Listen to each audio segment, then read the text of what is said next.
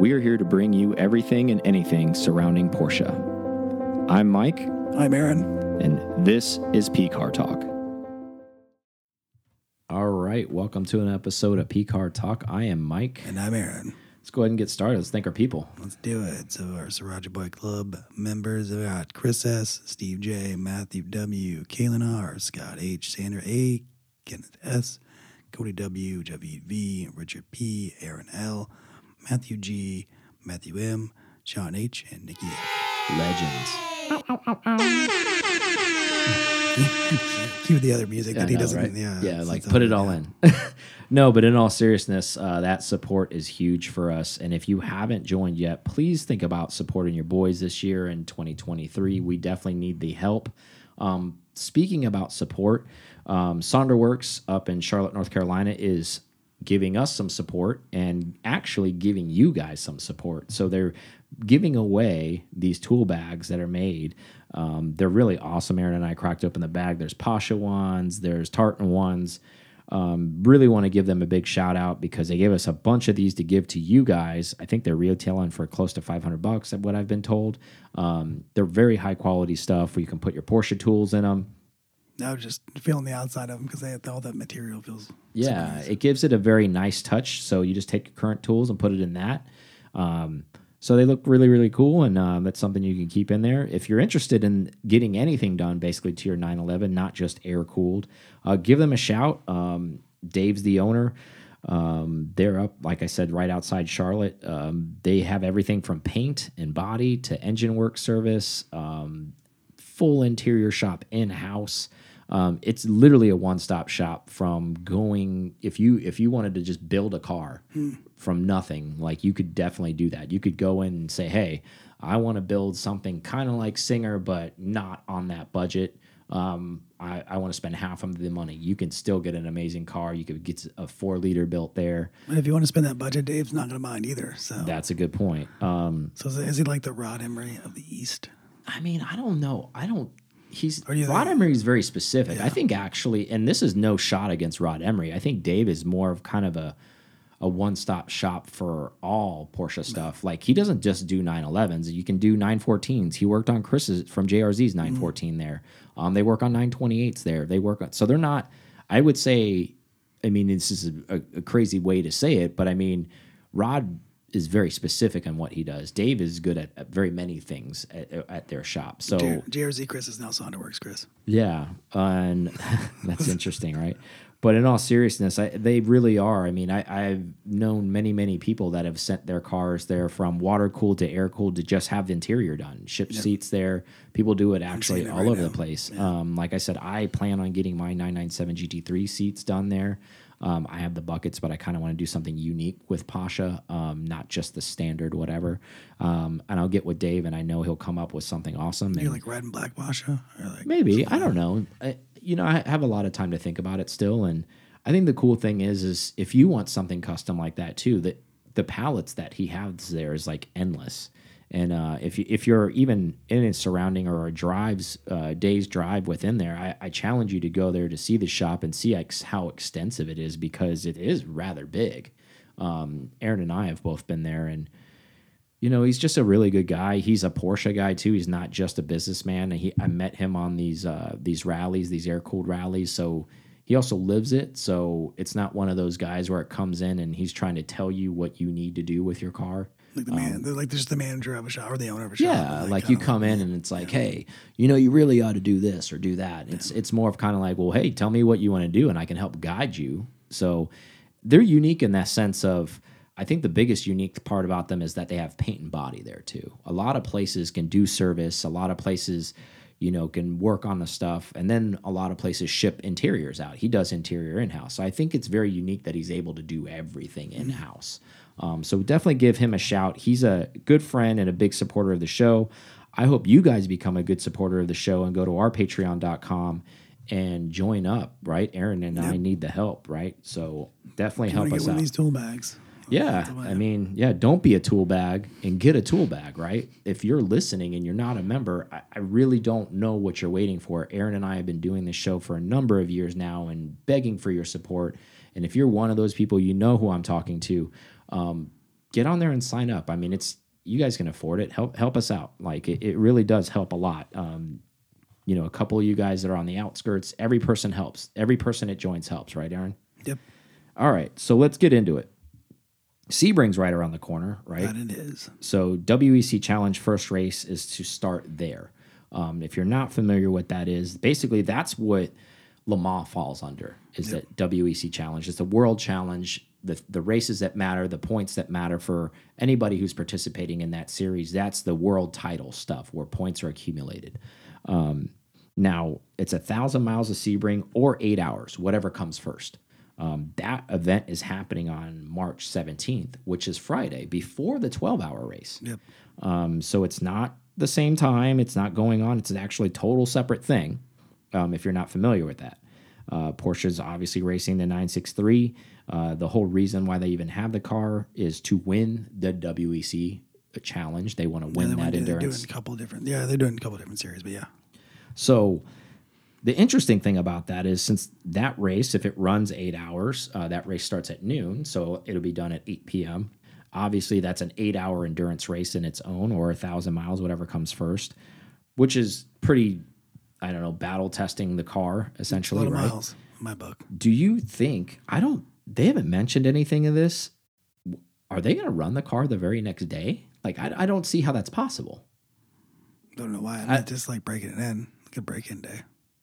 It's more than, I mean, Are they? I didn't think by so. So other than okay, so the the only other reason obviously to run it in the 12 hours is because obviously the accolades of winning the 12 hours of Sebring is a good notch in the belt. However, from a point standpoint, that doesn't really matter at all. I mean, other for the drivers, there's drivers championship. Um, but for the for the manufacturers championship, the, what the race that matters is the Friday. So, I mean, what if something were to happen? Like, for, prime example is Daytona Yeah. All of a sudden, stuff starts leaking. catastrophic catastrophic failure, right? So obviously they couldn't run the next day. Well, maybe they could because Porsche mechanics, if you don't But don't they have four cars? Did they? Don't they have two? Did they not have? backups. I yeah, thought- did they not have two dedicated for this and then two dedicated for? do they? I don't know. I don't know. I thought there I, was four cars. I think there is four cars, but what was that? The singer has a car. I thought that car was maybe for them. And I don't know. I don't remember it because like there's yeah, a whole like Asian team that has a nine six three car, and Yeah, that's true. So maybe that car is for them to run in this WEC. So there's going to be probably four 960s running on Friday. Because, um, and I think well, it's two separate teams because I think Lawrence is running the 963 and the WEC, Mm-hmm. but he wasn't running the 963 at Daytona. No. So they're so they they have to have separate cars. I- Yeah. I, can imagine they're like, all right, WC team, and here you go, the same two cars we're running tomorrow. Yeah, it gets really strange, right? Like, so those rules, I guess it's still the same car, but it's not the same car. Like, they have the same numbers, but they're not the same car right running each race. So I don't know. It's a little it's a little confusing, right? I Um, also think this is the last time they're doing WEC at Sebring. Yeah, I think so This is too. the last one. I think this is like a weird. Well, I think it's I think the manufacturers don't like it anyways because it's back to back days, right? So Yeah, that's that kind of like a weird situation. If from a money standpoint, if you only have enough funds and you're a privateer team, you're probably not going to run both days. You're probably going to pick what day, whatever is going to help you win a championship, essentially, right? Yeah, I can see that. So then you put yourself in a position. I guess Sebring puts himself in a position. It's not their fault that they're not part of the WEC. I mean, Daytona's not part of that either. Yeah. But they choose to run there because it's such a historic race. I guess my question is: Is since Sebring the 12 hour is such a historic race, do you think we see those cars, or is it what you said, the second? I guess the backup cars, or in air quotes. I mean, I don't even know what you would call that. There, you're right. There are four cars. However, is it the same group of guys basically just go and get it in the car that another car the next day? It looks exactly like the ones that ran. That's a good question. I don't know. I don't. I don't think we.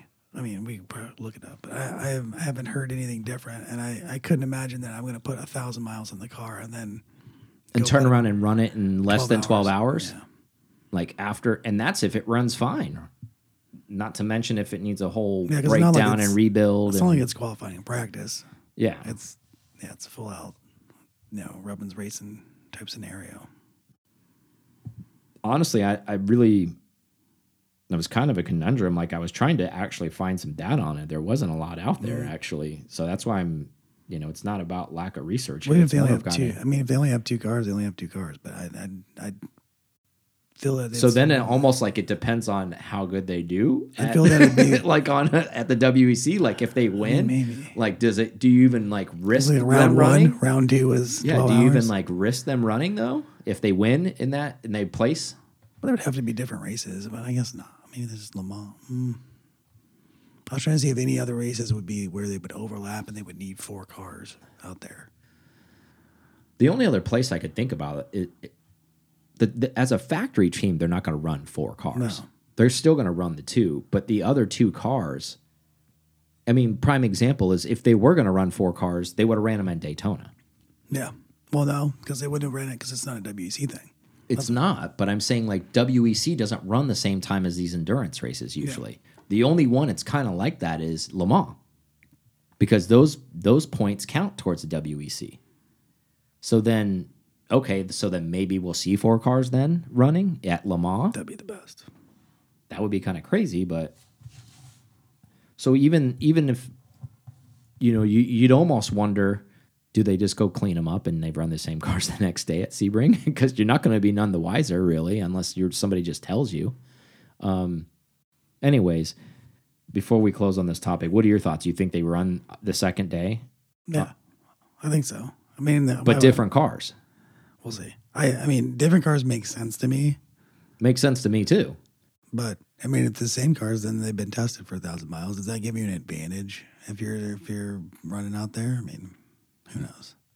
Yeah, I mean, obviously that's still a survival test because Sebring is rough. If you're not familiar with that, and eight hours But out there is going to normally- be. I mean, that whole the whole suspension probably needs to be rebuilt after eight hours. Yeah, but normally with the WEC, we didn't see the RSR cars do the WEC and then do the 12 hours. That's why I'm saying I think there's more than two cars. yeah, that's true. Because they would. They, well, but they wouldn't race. well, here's the thing: is they've they've canceled the WEC before. Remember, one was due to like weather or something like Yeah. rain, and then so I mean, it- it's been really confusing. Like, it hasn't always ran. It's never been in that situation before, and the WEC just started doing that not that long ago No, I at think Sebring. I honestly think that was like last year or the year before. It was like That's what I mean. Maybe three race. years total, Yeah. and one of the years was a rain out. So So maybe everybody's confused. and well, on top of that, Porsche wasn't even running a factory team. Oh Right? yeah, that was. That So then that- so it wasn't even like didn't a issue. Yeah, yeah, maybe so. because you have the GTLM cars. They're not going to run on WEC unless they're Yeah. trying to place. yeah, And there's privateer teams that are just running only the endurance races. Hmm. So there's that. I don't know. It, it is a little. you'll learn when we I brought learn. I brought it up because I, I thought it was interesting and it is a little confusing. but I can't find any info on like yeah. that separates anything, like you said. Well, maybe again they're playing their cards close to them, right? So either Maybe. way. So this is enough. Let's close on that. Let's move on. A new thing that Porsche has come out with, and this sounds a little strange. I mean, there's some science behind this. Obviously, they wouldn't just come out of the thin air with this.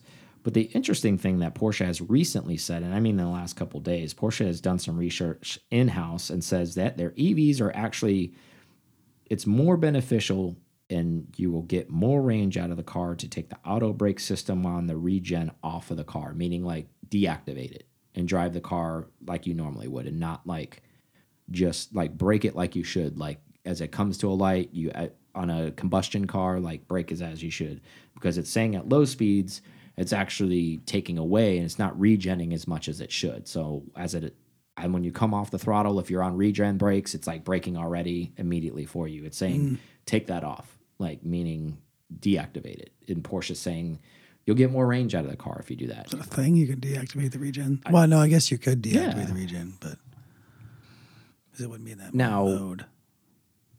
there's two look when I when I read this and I did some research on this, my brain kind of spun a little bit because I'm like, okay, so they were being told one thing, meaning like, oh, well, this is a great feature This on the the car. best it's system gonna, ever, Yeah. yeah. it's gonna regen. It's gonna get more power, which is not inaccurate. It it is doing those things, but now I guess, uh, at least according to Porsche, after further research, it's saying, at least on their cars, they're not saying everyone. They're just saying their cars that regen i guess draws power just as much as it tries to harness power too if it's not meaning like if you're not coming down from a 70, 80 mile an hour stop to a dead stop, Mm. you're not really getting good power from it. Meaning like if you're coming to rolling, you know, stop and go traffic and you're letting the brakes according to you, or at least what we're told, Mm. regen, it's actually drawing more power than it's actually bringing back to the car. Since instead, you know, you should break it yourself is what So, it's saying. so what I'm hearing is drive harder everywhere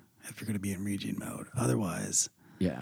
and then but that also speaks to not to Get it back to the, to the to the 963s, but they have regen brakes. Why would they put those in the race car if they're worse?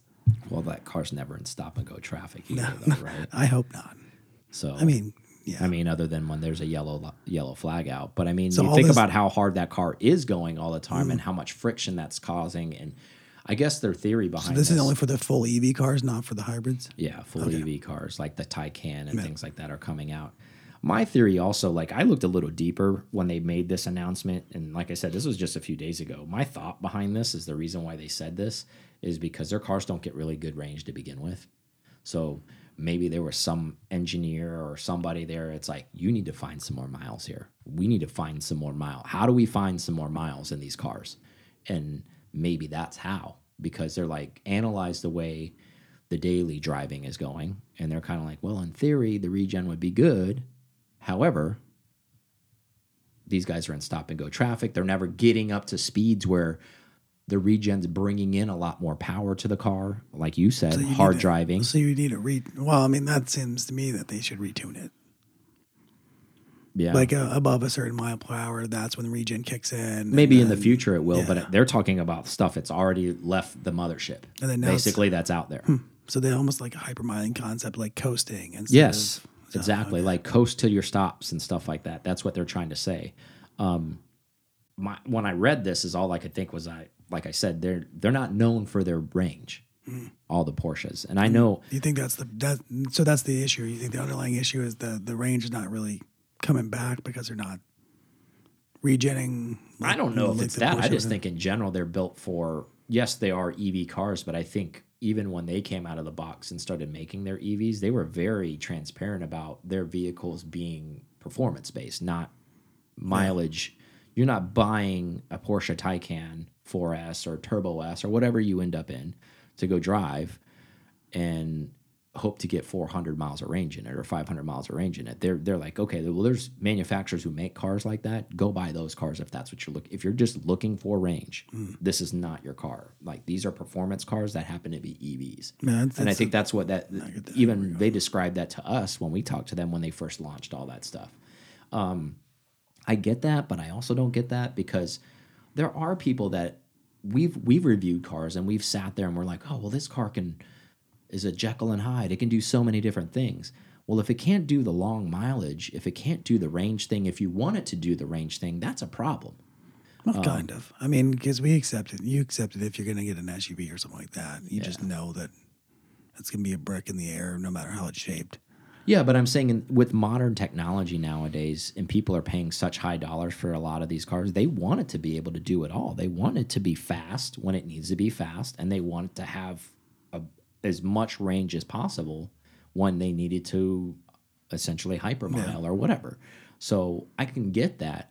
Uh, and again, going back to my theory behind this is, I just think it's because the EPA when they did all their ratings and stuff. Even remember when they first launched the Taycan, they came out. I was like, what was it like 200, 200 miles? miles, do something. It's kind of like yeah. like maybe 220 or something, and it's like, what, dude? Like, that's awful. Just made it. I mean, it looks like it, essentially it was made for the Metropolis, and then performance. Mm-hmm. now we know with technology development, even like they're doing silicon battery stuff, like we've talked about on many shows before. They're investing tons and millions of dollars into all this stuff.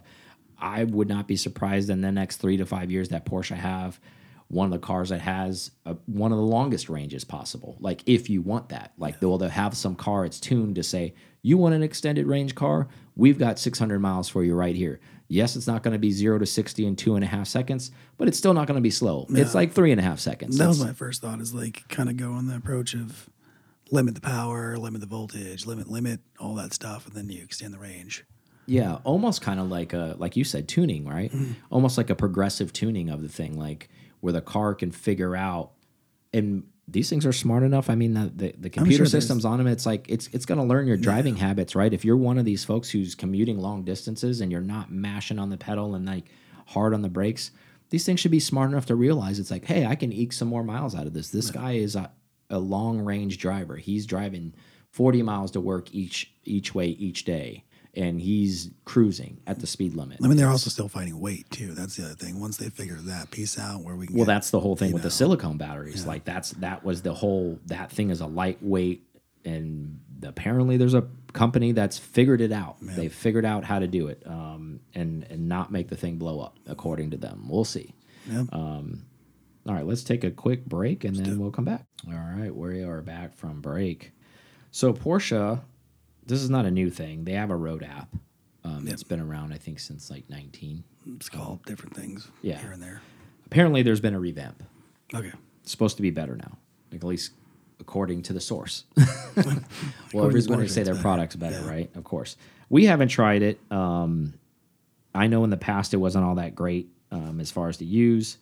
Um, maybe it's time to give it another shot. If there's a listener out there that has used the more updated version, let us know if it's actually effective. If not, because apparently it's supposed to be a little bit better in telling you if you're putting in what type of roads you're looking for, it'll find them for you and actually help navigate you to them.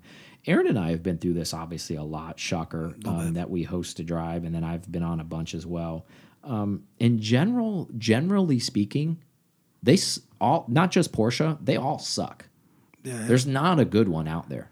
if Google would make a driving app, that'd be great. Like, Yeah. but that's the problem is, is all these bases, all the base maps are normally proprietary, and then the ones they get to use that are you still subscribe to are as good as Mm-hmm. the live maps. Yeah, and the thing is, is it's I don't know what the pro the hang up in it. It could be just what you said, Aaron, is the the proprietary side of it may be hanging up all these other people. I think the most, I guess, easy to use and best one I've used so far is the Rever app. Um, you have to pay for that, obviously, but it's an annual thing, which isn't bad if you drive the mountains a lot. I think it's originally was designed for motorcycles. Um, however, it works obviously just for cars because it's for twisty roads. The nice part about the Rever app, it's not a sponsored thing. I'm just bringing this up because of the Porsche app thing, um, just to give you guys options. Um, it preloads the road. The only bad part of it is, and I guess this is also a pro of it, it doesn't need connectivity to run. So it loads the map wherever you are from a connectivity standpoint, mm. and then you need, just need to follow the blue line. And if you deviate from it, it shows you off of the map, and then you need to circle back. The crap part about it is it's not turn by turn. So meaning like if you're running the road and you're on the blue line, you know you're on. If you deviate from it, it'll show you that you've deviated from it, and you can either circle back or turn around or do whatever you need to do. If somebody could just make an app that could, but I guess it's all based off of connectivity though too, because a lot of times when we're in the mountains, we lose um, that GPS signal. There is no, and if it's essentially not preloaded, it won't go turn by turn for you. However, what Google Maps, if it, if you catch, you know, you load it before you run, it'll continue to do turn you by can- turn after you lose GPS signal. You can download that. That's the key thing. You just have to walk people through that. You you do your little square and you download that square. Normally you do it outside of your driving area just to keep it safe. And then yeah, that's an offline map, and then you can use their your turn by turn. I mean, it, it's good in that way, but I mean, like, I You would- wish Google would do it. Like, there's probably a, somebody could do like a Google Drives and Yeah. then make it more automotive focused or motorcycle focused or just Do you think the reason why so many of them suck is that it's all based around connectivity? Is that's the reason? Because like when you get up map there and you lose it, Oh yeah, I mean yeah, obviously. Is that the that's- main that's reason? the biggest thing. That's the biggest thing you look for is like offline maps, and some people can do it, some people can't. Yeah. It just sucks because we've done it, um, I don't know how many, hundreds of times that where every, and, and I wouldn't say fighting, but I would say, you know, if you've been on these drives before and they're not already preloaded and pre organized and somebody doesn't already know the roads, who's driven it, um, when you go out there together and you're doing the turn by turn, who's ever leading, it's total pain in the ass. Um, and then sometimes they'll miss something or whatever. But the point of this is, is that Porsche is supposed to say that road app's great. Uh, Looks We'll- cool. we'll it looks see. a lot like the other app. We'll to see. Me. Um, but yeah, we haven't we haven't tested it out yet. I saw it too, and Yeah, the I mean, other I feel like this is almost a hole in the market, but I guess if you if there's a connectivity problem, no one's going to be able to fill that gap, right? Because if everybody's losing signal in the mountain and your app is based off of turn by turn Yeah, and it's unless the- downloading real yeah. time, well then it's not going to work, right? Like it'll go offline and then it's not working. And then you're totally either flying blind and that's why we use the Rever app because it's all preloaded and you it's not giving you turn by turn, but you're just kind of This following the blue line. The new app looks like it's turn by turn because it asks for voice and stuff like that. So I, I, I mean, we could always try it out. But again, that's based off of like what if you have connectivity, but like what if you don't? Yeah, I don't know Like when you get up there, like when you get up there, as it go offline, and and maybe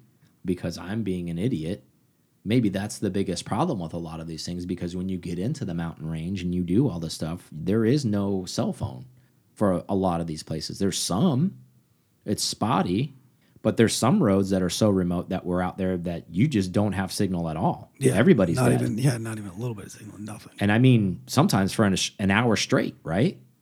Like, so, The and this Google this this um, Porsche app's also using the same back end maps. I can see what they are now. Yeah. So it's just like everybody else. Yeah. I, mean, it I wouldn't think it would be.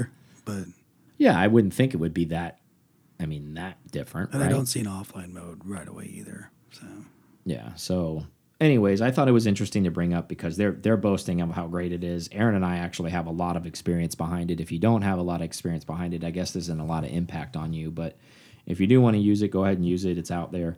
there's a BMW M group in this for Um, Yeah. some reason. I, I just wouldn't be surprised if if you did get up there and it would stop giving you turn by turn if you went offline because that seems to be the common thread with a lot of these things. that we get up there and everything's going great, and then we start to get onto the road and we're up we're we're buried in the mountain, and then it goes offline. Um, a lot of the times it doesn't matter because a road kind of there is no turn off on the mountain, so to speak. Yeah.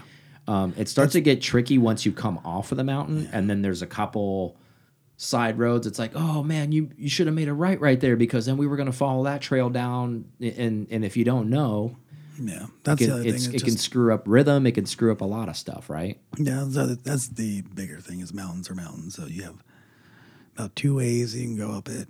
Yeah. And our good friend the Charles Stanley roads. is more of kind of like, hey man, if you get lost, it's just more road you get to drive. That's Yeah, his thing. Scenic style. So he's like, Chill. hey, you you go, you don't have to pay extra for that on the rally. Actually, that's like one of his sayings. He's like, hey man, you got to drive thirty more miles today, and you didn't have to pay anything extra. How do you feel about that? That's awesome. Good for you, bud.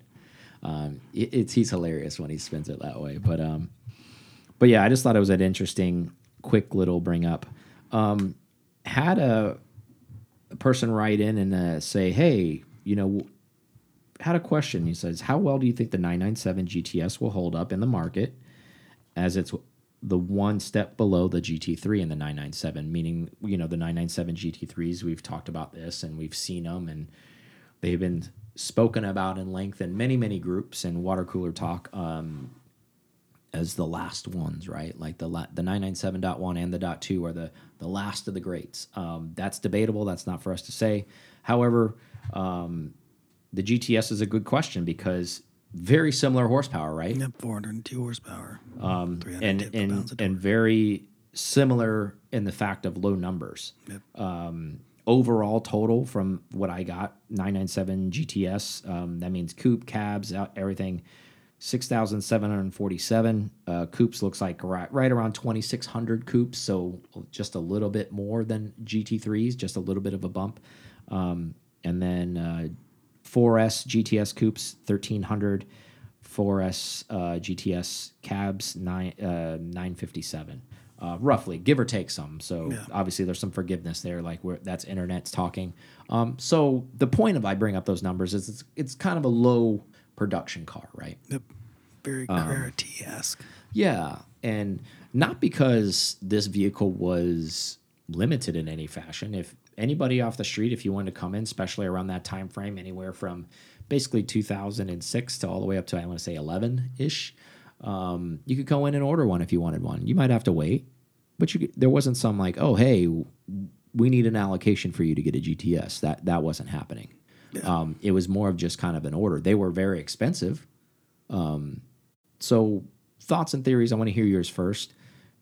Does this because it is in the 997 chassis, which is raved for, um, just in general, like as we've talked about great cars, just Carrera S's and 997s are good cars. Um, does this have a special place, and is this the one as basically it is one step down in the line? But I mean, as far as actual, you know, from performance, yes, GT3, yes, is the one. But if you want to go like actual overall car, probably probably the best car, right? Because it's got the the creature comforts, it's got some a lot of them have like special specs on them. Yep. Um, because the GTS was very You got center locks on this thing. Yeah. You got, like we said, the horsepower is pretty comparable. like Uh, Porsche Porsche thought highly of their GTS line. I guess is my point. So it was the touring before the touring was, I guess, there if you want to even call it that, if that's possible. And manuals and and Yeah, and, it's like the the best version of an Aero kit car that you could possibly have Mm-hmm. for the GTS, and then adding in a few GT goodies here and there. yeah, depending on how you optioned it, right? Mm-hmm. You know, with the power kit and things like that. Do you feel like this car has, I guess, potential to also be highly sought after by collectors because of its low numbers and it being in a narrower body car, you know, a smaller 911 compared to a 991?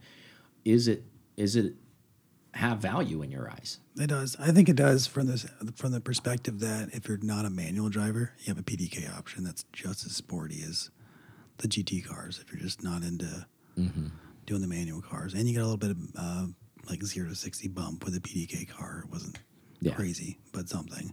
Um, and it also it's almost like an in between step between a 997.1 and then a 997.2 Yeah. because you're still get getting a lot of the things. You're not getting everything, but most of it. Yeah. So because you can buck, you can get anything you wanted to in this car. It seemed like. Um. Yeah, because you were paying for it. Yeah. well, the way they approached it, yeah, right? Exactly. Without without getting, I mean, you can still get center locks on turbos and stuff, but the, the, the difference is, it seems like this this is a driver's car that kind of Yeah. slipped through, no, slipped through the cracks, or at least just was in Just not high ordered, right? Yeah. Nobody was looking at it.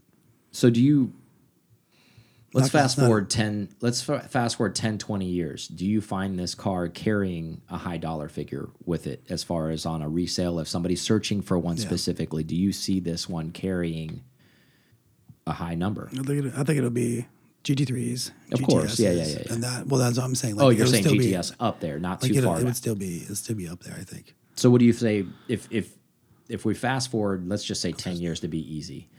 Do you think there's what, a 20% delta between a GTS and a GT3 in in 10 years? Like is Probably. it Yeah, probably 20%? that's Is that fair. about the number? That's probably fair. I think that's about right. So I mean that's still a strong number, right? because game. You're playing the game. because there's a- cars. jets, you know, those cars GT3s are what one like 130 average, I want to say. I saw an anomaly the other day, but we'll, we'll see. I'm talking about average price on them. Like there, I've seen some really high, and I've seen some a little below that. So like right now, price on GT3 997s are 130 ish, right? So I, I I think they're great cars. I think they're going to be well sought after because I think if you are a Porsche file and you're really into what Porsche really is about, that GTS name actually carries a lot more weight than the GT3 name. There's actually two special colors too. They did a GT silver version and an amethyst version. So that That's pretty I mean, if you're going to go looking for, you needed a GTS, but you really wanted to be in the the Yeah, rare really? area. Yeah, there's probably. I mean, I think I saw That might be something. I think I saw on the internet a mint green one once too. Like, so I mean, I There think there. I think there's there some out there that you can really get into the woods if you're really looking for that. I could see that being part of somebody's collection someday. Meaning, hey, I want to get some of the rarest air cooled stuff. Um, going PTS 997 GTS Yeah. is definitely probably right up there as long as you know with the GT3s. Uh, as we know, there wasn't a lot of PTS even in the 997 Gen uh, overall, just generally speaking, as that really became a 991 thing. I think where everybody was really PTS heavy. Um, so I think they're great cars. I mean, we know a couple people that own them. Um, a couple friends in Jacksonville that own them. They love them. They're great cars. Um, I think right now, I still think they actually hold a lot of weight because Chad was telling me he paid a good amount for his car still. Even, Yeah. you know, obviously the market too, everything was pretty high, but whoever has them, that's one of those things too, where if you at any given point, if you go look for them, there's not a lot of them for sale. Yeah. And it's the better. It's probably the well. I mean, it's and it's there. There's some things too. You can get it really close to a sport classic, like mine is the Ducktail. Yeah. If you wanted to go that route, Well, I think it was. I, I, dare I say? I, I know it's a it's a very outlandish statement, but I will say it. Maybe it was the touring before the touring existed, right? Kind of because it has close to GT3 power, yeah. But I it think is it's more of a- wider. it's wider than the, the Carrera S2. Yeah, and it has a little bit. It's a gentleman spec, right? Like it's the you can really spec them out nice. It's got a lot of power. Um, it doesn't have the big tail on it. You know, if you want to fly under the radar and you still want a 997, there were no 997 tourings. So this is your closest thing to a touring. really. You could just get just delete the wing and then be. You know, there this is a business idea for somebody out there. You want to make 997 tourings, you start with a GTS. Right there. There it is. Whole business. you know, and you go buy all those up, and then pff, the price will skyrocket on those. You can be your own Singer style with the water cooled stuff, and just kind of do a little bit bits and bobs, repaint the cars, renumber them, call them whatever you want to call them, and redo them. And man, you go buy up the masses of that. I mean, you really have cornered the market because there isn't that much to corner there. Yeah. There's only one other company that's kind of doing something, but not really GTSs though. But if you do, I, well, I'm saying yeah, if you did just yeah, because there isn't a lot, yeah. there isn't a lot of them. So if you go run down all the available ones and then you keep acquiring more for clientele, I mean, you could have. Hey, you're welcome. I just want a little bit of percentage on that if you make that happen. Um, but in all seriousness, um, I think they're special cars. I, I, I think they're a great all rounder. I think for somebody who doesn't want a GT3 and have the hardcoreness of a GT3 and maybe kind of needs that back seat essentially, if even if you want to throw a dog or little kids back there, or if you just don't even want the cage and you just want the space and you don't want the rawness of a GT3, I really think that and and this I'm not saying anything it's not new. This was the whole point of even making the car. Porsche that was the sweetheart spec, right? Like that was the the comfiest but most powerful NA1 you could get, right? That was the whole goal is to merge those two things and say, okay, well, not everybody wants the GT3 and the wing and all that stuff and the shoutiness of, hey, look at me, look at I'm your GT3, da da da, da I'm in your face. Um, but they wanted the power and they wanted the comfort and they wanted to be able to say, hey, I want to go cruise this thing for like four or five hours. I want to go on a weekend trip with my significant other.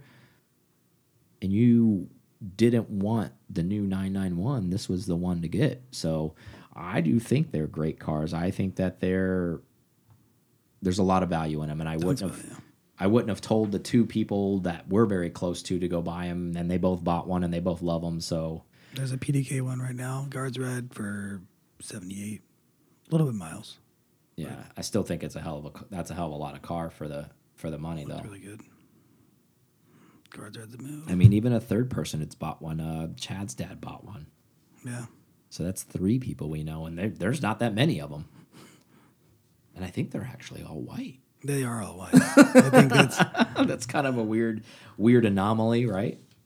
that's true. I, I think they always that's always a common thing with I think Porsche. Just white seems to be the predominant. That's the safe- color actually. I like that color unless you're going to go something PTS. I would. I, I think white in a GTS looks great unless you're going to get something really out there, like you said, like an amethyst or something like that would be cool. Um, but anyways, enough on that topic. So if if you're out there hunting for a sweet spot and you got about eighty grand, probably go hunt for a GTS, right? Like you don't need to go six figures to get the GT3 experience. You can get probably like let's be honest, like It's we'll- we'll probably do- 80 20. Yeah, Right, probably eighty percent. You're probably eighty percent there to a GT3 if you just go with a GTS. You're you're not missing that much, but you are missing that special sauce. But it's still an awesome car, right? Yeah, it's most of the Whopper. Yeah, exactly. No cheese. Um, so Toyota is claiming that Porsche and Cadillac have a slight advantage at Sebring. I don't know if they're basing that off of Daytona because Cadillac did look strong at Daytona, and Porsche looked like crap at Daytona. So, Yeah. I mean, at least till we went to sleep. I, I mean, they looked great until we went to sleep. Excuse Yeah. me. The other way around, they looked bad through the night, um, having the failures and all the stuff that they had. Um, maybe they have an advantage because of that, because they could fix the shortcomings of the Porsche. Um, I, I think Cadillac in general was just strong, so of course they have an advantage. And Toyota's coming from this because if you don't know this, they didn't run in, in Daytona. Yeah. Um, so what they're saying is, hey, when we come to the WEC Challenge, this is the first time we're putting our car on track. They're already making excuses why they might not. Yeah. And if you don't know this, they've they've won the WEC Worlds the last two years. They were back to back. Racing, yeah. Yeah. So again, who were they racing against? Like that's debatable. Like, Yeah. I mean, AKA nobody, but because no one was in that class anymore because they were preparing Yeah. for this class. Yeah, yeah, they were- So yeah, they were I'm not trying to take anything away from them. I'm just saying the facts are the facts. They were there wasn't many to compete with. Let's put let's Win put is it, a win. yeah. Hey, hey, you don't weigh in, you don't wrestle. so they weighed in, they got to wrestle. Hey, disqualification win is still a win, right? Anyways, not to make fun, but it. Um, I kind of disagree that they have an advantage, though. I, Not eh against Porsche, at least, because we didn't. We did pretty good. I mean, we found out a fault in the car in both cars. Yeah, I think, but again, I, going into the deep weeds real quick with with racing and with endurance racing, you can try to fail safe so many things that you think can go wrong, and in addition to the things that that like that went wrong at Daytona, Yeah. aka bulletproof them right, uh, moving forward for the next races. But then it could just cause something else to go wrong Yeah. that you thought was bulletproof. So you can sit there and chase your It's tail. totally different track. Yeah. Totally different. You could totally chase your tail all the way around. So do they have an advantage? I don't know. Um, maybe because they they could fix those failures, but who knows? They they could have a whole slew of new failures that happen because they did bulletproof those things. But we hope not, because I think they did majority of their testing in Sebring. So, Yeah. I mean, hopefully this Sebring track they have dialed in. Well, that's another thing you and I talked about on a prior podcast with the the debatability about if they ran what they claim like oh we ran the car 30,000 30,000 kilometers. we ran the car 30,000 kilometers and we didn't have any failures and we didn't do all this. It's like, obviously, they're not going to share with everyone because of race strategy, but under what conditions, Yeah. right? Perfect. 70 and sunny. Yeah. And what? Maybe two, three hour stints at a time, not, not 12 hours, not eight hours, not 24 hours to the mechanical failure can happen. Where's the where's the tensile strength in that, right? Like who knows where those items can start to fail? And I Well, they found that. out the hard Yeah, way. I agree with that because if they had done those big stints They would have already found that problem. that- well, they would have found the problem, but they would also put that on the headline. yeah. 24 hour tested. Well, they might have saved that one, but I do think here's here's the underlying thing that they showed. They didn't do that because they had those failures, and now they're blaming it on like the duration, right? Okay. Yeah. Well, if it, it they're either saying that and just blaming that, or they actually didn't test it. So either way, um, I think a unique thing when I when I brought this Toyota thing up that I did see that I didn't realize this even when we went to Daytona I didn't realize this, but for the LMDH uh, class, they're not allowed to run tire warmers on their stuff. So every time they come out of pits, they're they're running on cold, Cold tires. tires. So there's no tire warmers. It's so if the track's really cold, It's really cool. they're really cold tires. with all that power. Yeah, but Daytona will be warm because it's always hotter than Hades in, in there, and it's a dust bowl, and Sebring. yeah, Yeah. that's what I mean. So they won't have a problem with that. Um, what are your thoughts on that? Do you think they have an advantage because of that? I mean, it's I can. The only thing I can see is that they're just saying that there's more. They have data to test on, and any data is better than no data. Yeah, they're Um, already filling out the excuses card. Yeah, but I also feel like, well, if you're dominant two years in a row, no matter what, then won't you be dominant now?